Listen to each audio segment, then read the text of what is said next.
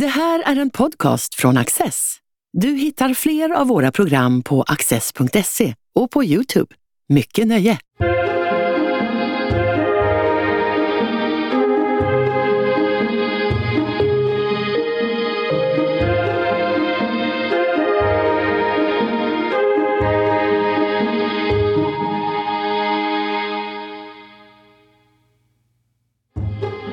Bogdan Schyber är en etablerad scen och performancekonstnär som doktorerade vid Stockholms konstnärliga högskola, men blev underkänd under själva disputationen.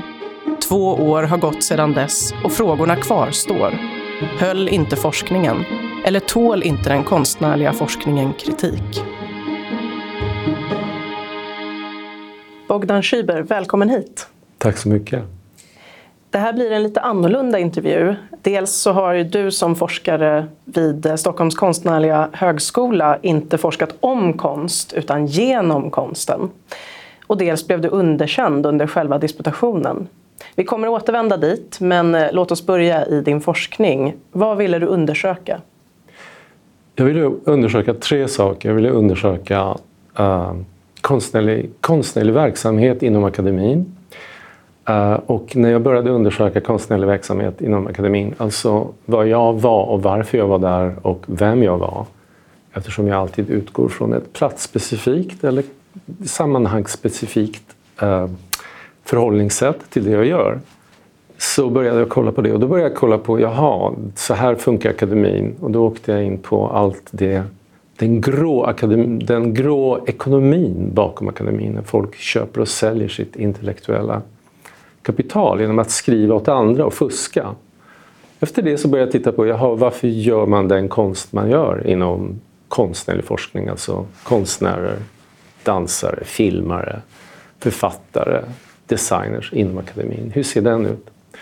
Och till slut så ifrågasatte jag allt jag gjorde genom att ställa ut 10% av den konstnärliga forskningen som har gjorts av doktorander i Sverige på Historiska museet. Vilka var frågorna du ville ha svar på? Jag ville ha svar på vad som skapar värde och varför och för vem och vilka maktstrukturer det fanns. Vem jag måste tillfredsställa när jag ska performa att vara akademisk konstnärlig forskare. Hur vinner man det spelet och hur förlorar man det spelet? Alltså vad som hände med mig till exempel. Sen kan man ju ifrågasätta om jag vann eller förlorade. Men jag ville egentligen undersöka de här tre domänerna, de här tre landskapen, akademin, konstnärliga forskningens förutsättningar eh, och vad eventuellt kan, som kan hela den eller laga den eller komma med små serierutor, vad man kan göra. Vetenskaplig forskning är ju på sitt sätt väldigt fyrkantigt. Alltså, när du skriver en avhandling, det är, det är vissa steg du måste följa. Du måste Eh, beskriva din metod, du måste tillämpa diverse teorier, du måste undersöka en massa saker. Hur gör man det genom konst? Går det att pressa in konst i den här lite fyrkantiga världen? Ja, nu, nu är du ju och petar på såret. Eh, min, min, min tes är att nej, nu när all högre konstnärlig utbildning, eller överhuvudtaget all utbildning som utgår från Bologna-processen som någonting som hände för 23-24 år sedan i Europa, när man standardiserade utbildningar. När jag som kandidat eller master eller magister kunde vara från Portugal och åka till Frankrike eller till Sverige.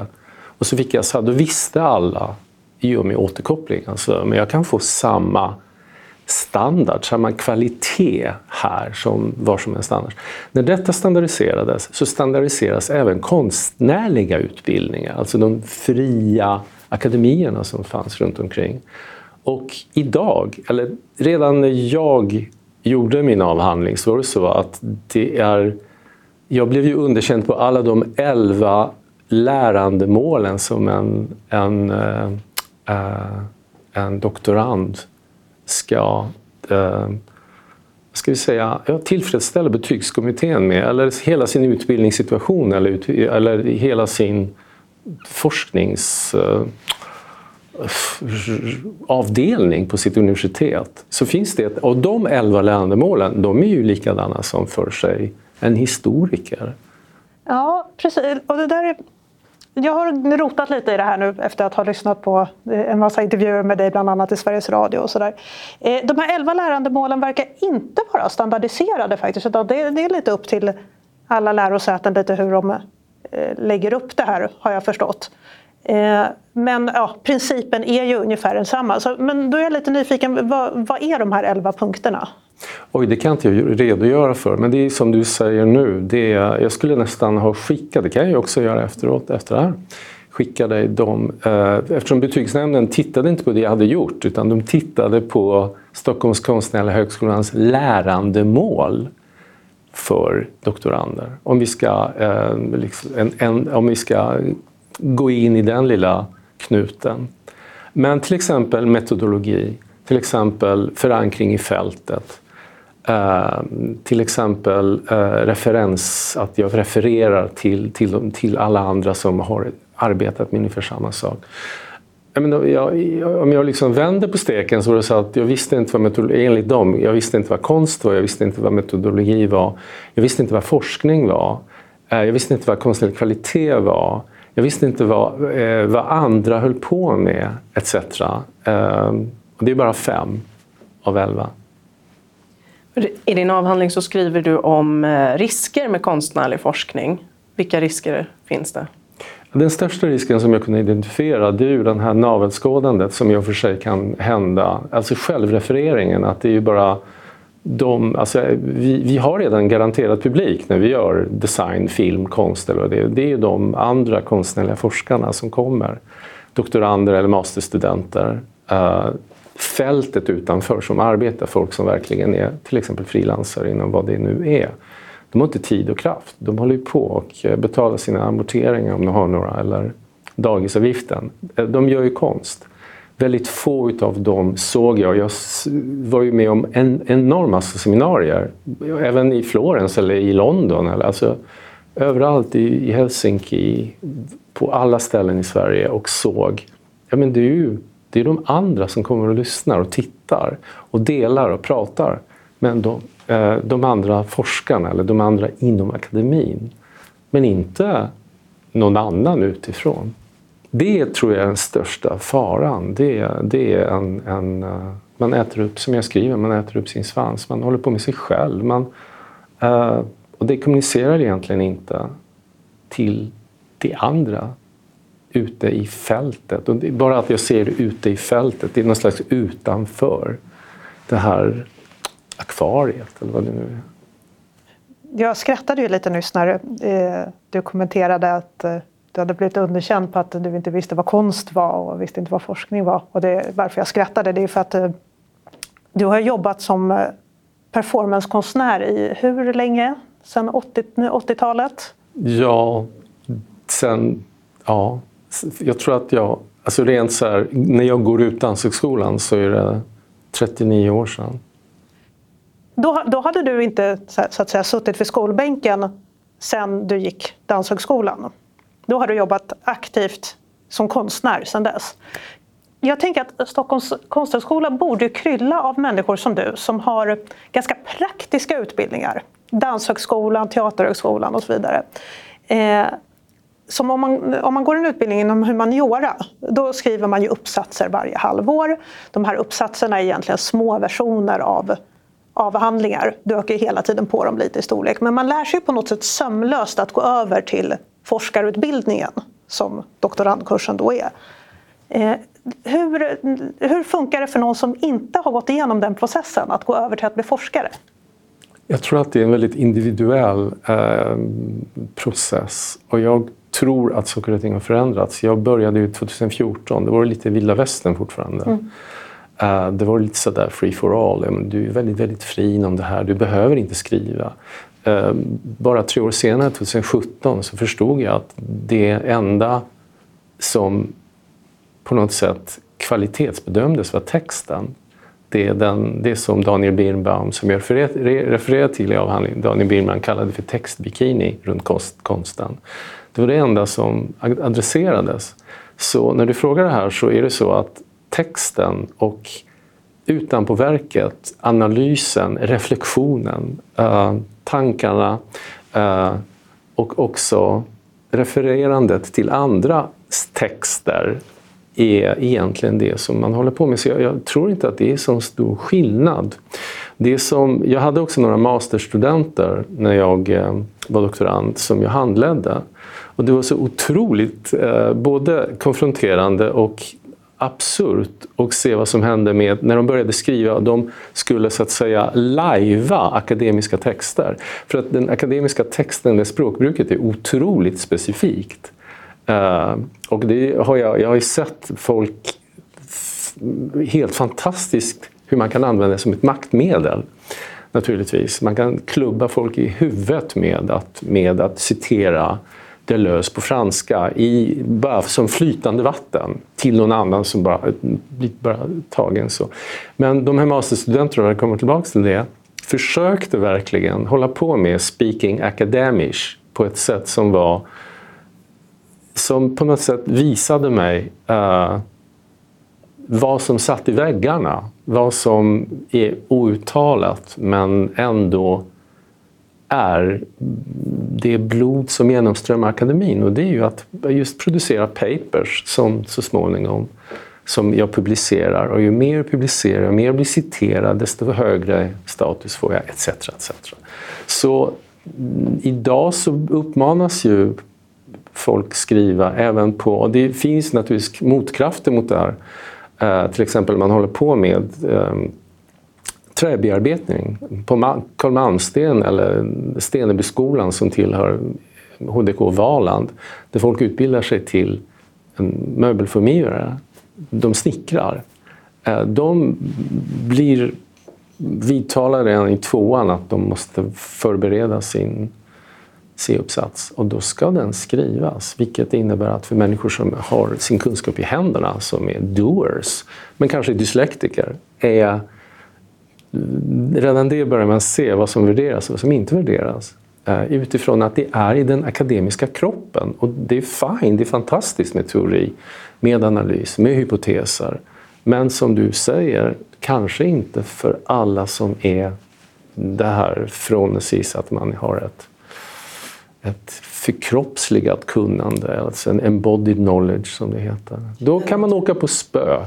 Den naturliga följdfrågan blir ju då om eh, konsten verkligen mår bra av att akademiseras på det här sättet?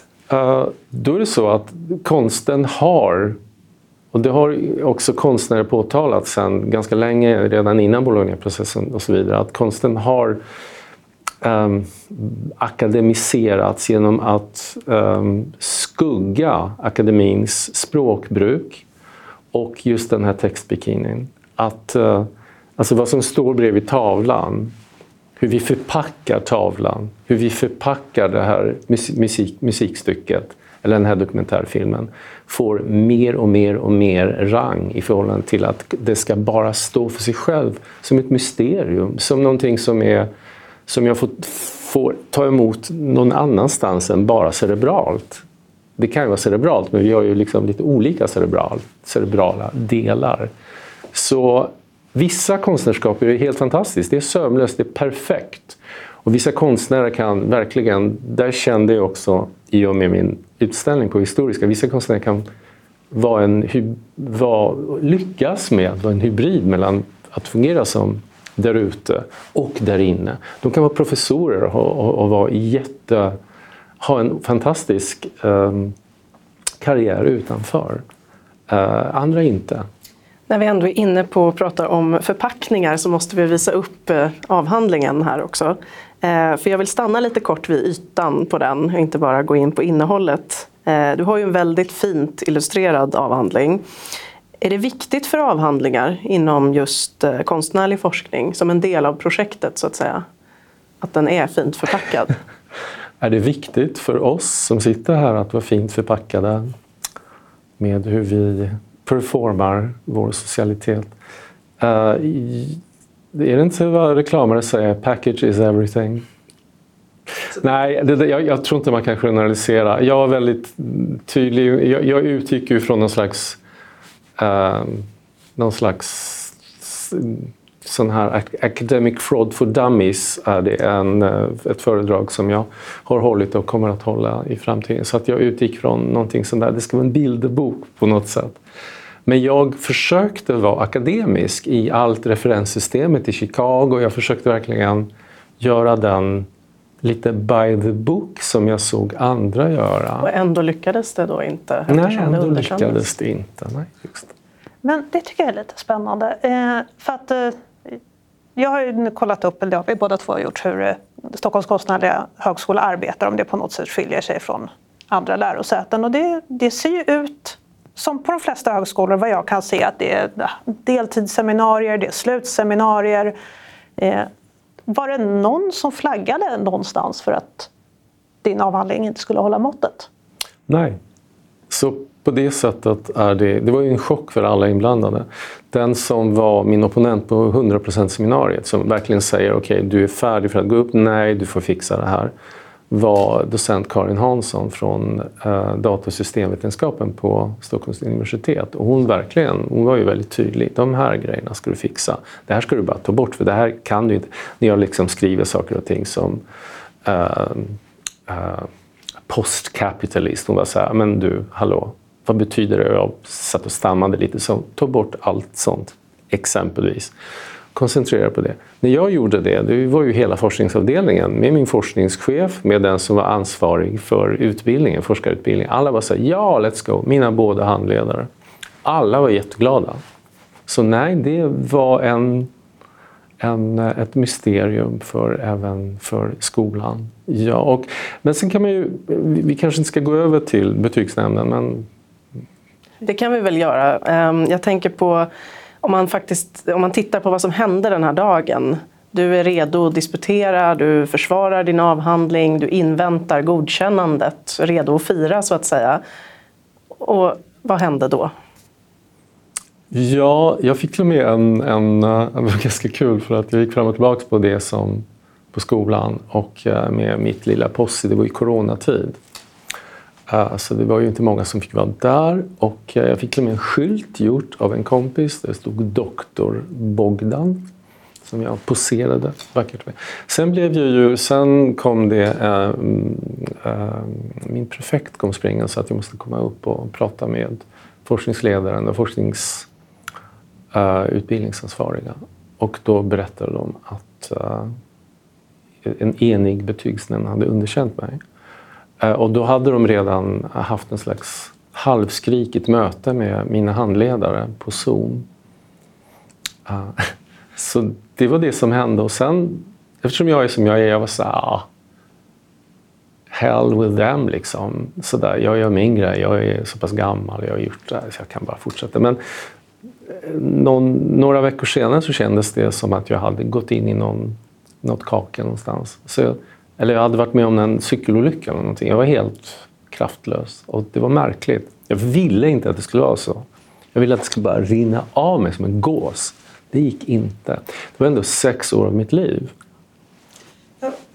Oberoende av avhandlingens kvalitet så ska ju inte sånt här hända. Alltså, man, ska, man släpper ju inte fram doktorander som man inte vet blir godkända. För att det, det är ju inhumant att sätta en människa i den situationen att man redan börjar fira sin avhandling för det här att juryn är ute och överlägger. Det är ju, det är ju en del av skådespelet. Det är, ju... det är redan färdigt. Ja, i det här fallet jo. så var det ju helt fel skådespel. Eh, hur har eh, Stockholms konstnärliga högskola hanterat det här? På många olika sätt. Från många olika perspektiv. Uh, jag var ju, jag, jag var ju liksom kontroversiell. Jag höll på med grejer. Jag ifrågasatte, jag ifrågasatte folks ekonomi rakt upp och ner. Jag ifrågasatte folks karriärer. Jag ifrågasatte vad vi höll på med och varför.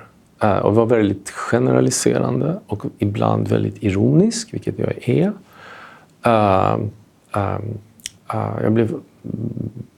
Så, så det, jag tror inte man kan jag, jag tror inte jag kan idag så här säga vad hela skolan gjorde. Vissa som är forskningsledare var så här, du får, jag, jag, du får gå upp igen, vi gör vad som helst för att du ska göra det. Du får liksom flera månader till och du får en, en, en nya handledare etc. Andra var så här, men det är klart han blev underkänd, han höll ju på med ren liksom, tjurgödsel, den här killen. Det går ju inte. Um, på en, på en rent juridisk eh, nivå så tog man ju kontakt med en sån här eh, eh, ja, en högskolejurist för att kolla läget. Och eh, betygsnämnden är ju kontrakterad av skolan. De är rent juridiskt en del av skolan. Det går inte att ifrågasätta och det går inte... De kunde inte göra någonting på ett, på ett sånt plan.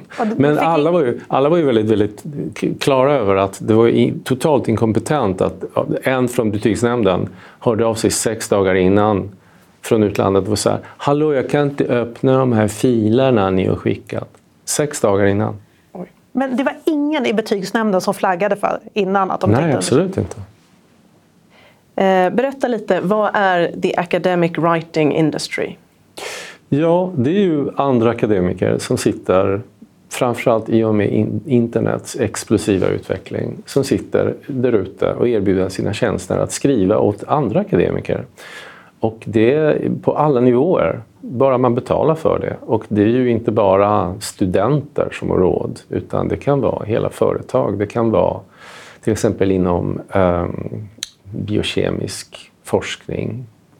Uh, och då, betalar man någon för att skriva en kandidat, en C-uppsats eller en doktorsavhandling. Du kallade det här grå marknad, det är ja, den, inte svart är ju, marknad. Nej, men det är en grå marknad därför att den egentligen så är det väldigt, väldigt svårt att... Det är ju inte det är ju inte olagligt för mig att betala om du sitter i Serbien och är docent och du vill tjäna lite pengar och du tar, ska vi säga, 40 dollar i timmen. Det är inte olagligt för mig att säga, hej kan inte du skriva min doktorsavhandling? Och så kan vi zooma och så säger du, det kommer att kosta så så mycket och så vidare. Sen är det ju billigare om man håller på med humaniora som du nämnde förut. Uh, humaniora är ju inte, det, är ju, det kan vara riktigt billigt. Man håller på med säga att man ska bli ingenjör eller läkare, då blir det mycket, mycket dyrare därför att det har högre status överhuvudtaget i samhället och i livet sen när man ska vara någonting. Då blir det dyrare, men man kan köpa sig en de här. Och det, den här grå ekonomin är ju, den är ju världsomspännande och en kvinna i eh, Mumbai eh, kost, tävlar ju med sina medsystrar och medbröder genom att ta kanske inte 40 dollar i timmen utan 25 eller 15 och på det sättet eh, få pengar. Men i princip så är det här fusk först när jag använder detta, inte när jag köper, för det är ju bara en tjänst jag köper. Så på det sättet är det liksom, det finns någon slags gråskala här. Men då jag använder det och säger att ah, det var jag som skrev det, då blir det ju något, en annan färg på det. Men de två första åren av din doktorandtid, då var det det här du granskade? Ja, det är ju för att jag började titta på, okej, okay, eftersom när jag gick ut, som du sa, jag gick ut Danshögskolan 1983, alltså hallå, världens, alltså, Ronald Reagan var ju liksom president. Det var fortfarande krig i Afghanistan. Alltså det var, det var ju helt en annan, en annan värld. Och det jag hade och det som hur många som överhuvudtaget var i högskolan, den, den ökningen har varit exponentiell globalt. Uh, så för mig att komma in i det här, in i det akademiska, blev så här, men hur funkar det här? Och Så såg jag väldigt, väldigt fort att det som gäller här, det är ju och varför gäller det? Och, och så började jag bli väldigt fascinerad av de här som erbjöd sina tjänster. Därför att jag höll på med delegering och arbete. Det, jag går inte in på det, men det, det har varit en tråd hos mig i den här avhandlingen de här sex åren. Att jag delegerade, jag la ut på entreprenad. Som en curator eller som, som en, nu när jag har gjort en opera på Norrlandsoperan. Det är någon som gör ljus, det är någon som gör eh, koreografi åt mig Eh, det är ju en delegering av arbete, så blir det ju någon slags konstverk ihop med det. Så jag delegerade um, textskrivning. Som till exempel så började jag med en, en uh, kvinna i Trinidad och Tobago. Det var den första som jag kontaktade. Uh, att, uh, som hade en master i psykologi. Att söka pengar internt i skolan och hon fick skriva mina ansökningar, vilket hon var helt fantastisk på att göra. Och vad gjorde du sen när du fick in materialet från henne? Eh, jag började ju, i och med att jag är en sån metakille, jag började ju uh, annonsera överhuvudtaget på såna här Upwork eller Elance eller Guru som är såna här stora plattformar för uh, uh, frilansare som erbjuder sina tjänster. Och det kan vara allt från grafisk design till vad som helst som är nätbaserat. Uh, och då uh, så hade jag skrivit en, en annons där jag ville få in massor med texter om hur det är att vara en sån här ghostwriter åt andra akademiker. Uh, och den ändrade hon och så började hon faktiskt att ta över den processen, vilket jag bara var så ja men du är mycket bättre på det än jag. Så hon började välja ut de svar jag fick och så hon var ju um, hon var fundamental i att bilda den här think tank som vi hade med ett antal kvinnor från, uh, från utvecklingsländer som, var, som höll på med det här med mig som någon slags kille med skuldkänslor. Vit, statsfinansierad kille i medan de satt på Filippinerna, uh, Rumänien, Trinidad Tobago, uh, Pakistan och var så här, okej okay, jag är kvinna, jag är akademiker, jag känner hälften, om jag har tur, av män på nätet. Och vi ska inte ens prata om män i Pakistan och så vidare. Men ändå, jag vill kunna överleva. Så vi höll på med det där. Så att det var den här... Jag var väldigt fascinerad av detta och eh, till slut så var det en, en, eh, en eh, filippinsk kvinna som undervisade på deras film och tv-skola som hade skrivit såna här ehm, um, barn-tv-serier som hade fått jättemycket priser. Så hon var manusförfattare. Hon skrev hela mitt offentliga 30% seminarium. Som jag, det hon också skrev hur jag skulle vara klädd, vad jag skulle visa för bilder. Naturligtvis ett samtal med mig och de andra kvinnorna. Men det var helt scriptat och först efter paus så avslöjade jag att, jag, att var, allting var helt manusförfattat av henne. Av uh, Libai Kantor, som hon heter. Och, uh, hon skrev också opponentens uh, hela text. Jag var tvungen att hitta en opponent som, som, var, som var villig att vara scriptad. Och hon skrev också Q&A, questions and answers från publiken, jag hade, som jag hade placerat ut. Så jag tog bara åtta frågor bara de som jag hade placerat ut. Och så, nej, nu måste vi sluta. Så att det var... men, men det här är väl just konstnärlig forskning? Och så varför underkänns det här? Ja, du, du får nog prata med betygsnämnden. Kommer du lägga fram den här avhandlingen igen? Nej, den här avhandlingen har jag förstått nu. Jag trodde jag skulle göra det nästa år. Jag har efter ett antal samtal med SKH förstått att betygsnämnden hade rätt. Och jag kommer inte gå upp igen. Det var, var ganska chockartat för mig också att förstå det. Det var inte det, det svaret jag väntade mig som avslutning på den här intervjun. Ska jag Nej, och då ska jag också bara understryka att var, varför jag inte kommer göra det, det är för att jag måste gå tillbaks till alla de elva lärandemål jag blev underkänd och adressera dem och så att säga vara duktig pojke och göra bättre på varje... Det kommer jag inte att göra. Bogdan Röber, jag får känslan av att du är lite för mycket av en rebell för att platsa i den akademiska världen. Men stort tack för att du kom hit och förklarade för oss hur du tänker kring allt detta. Tack så mycket. Tack.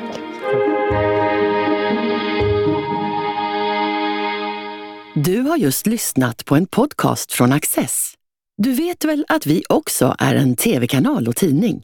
Teckna en prenumeration idag på access.se.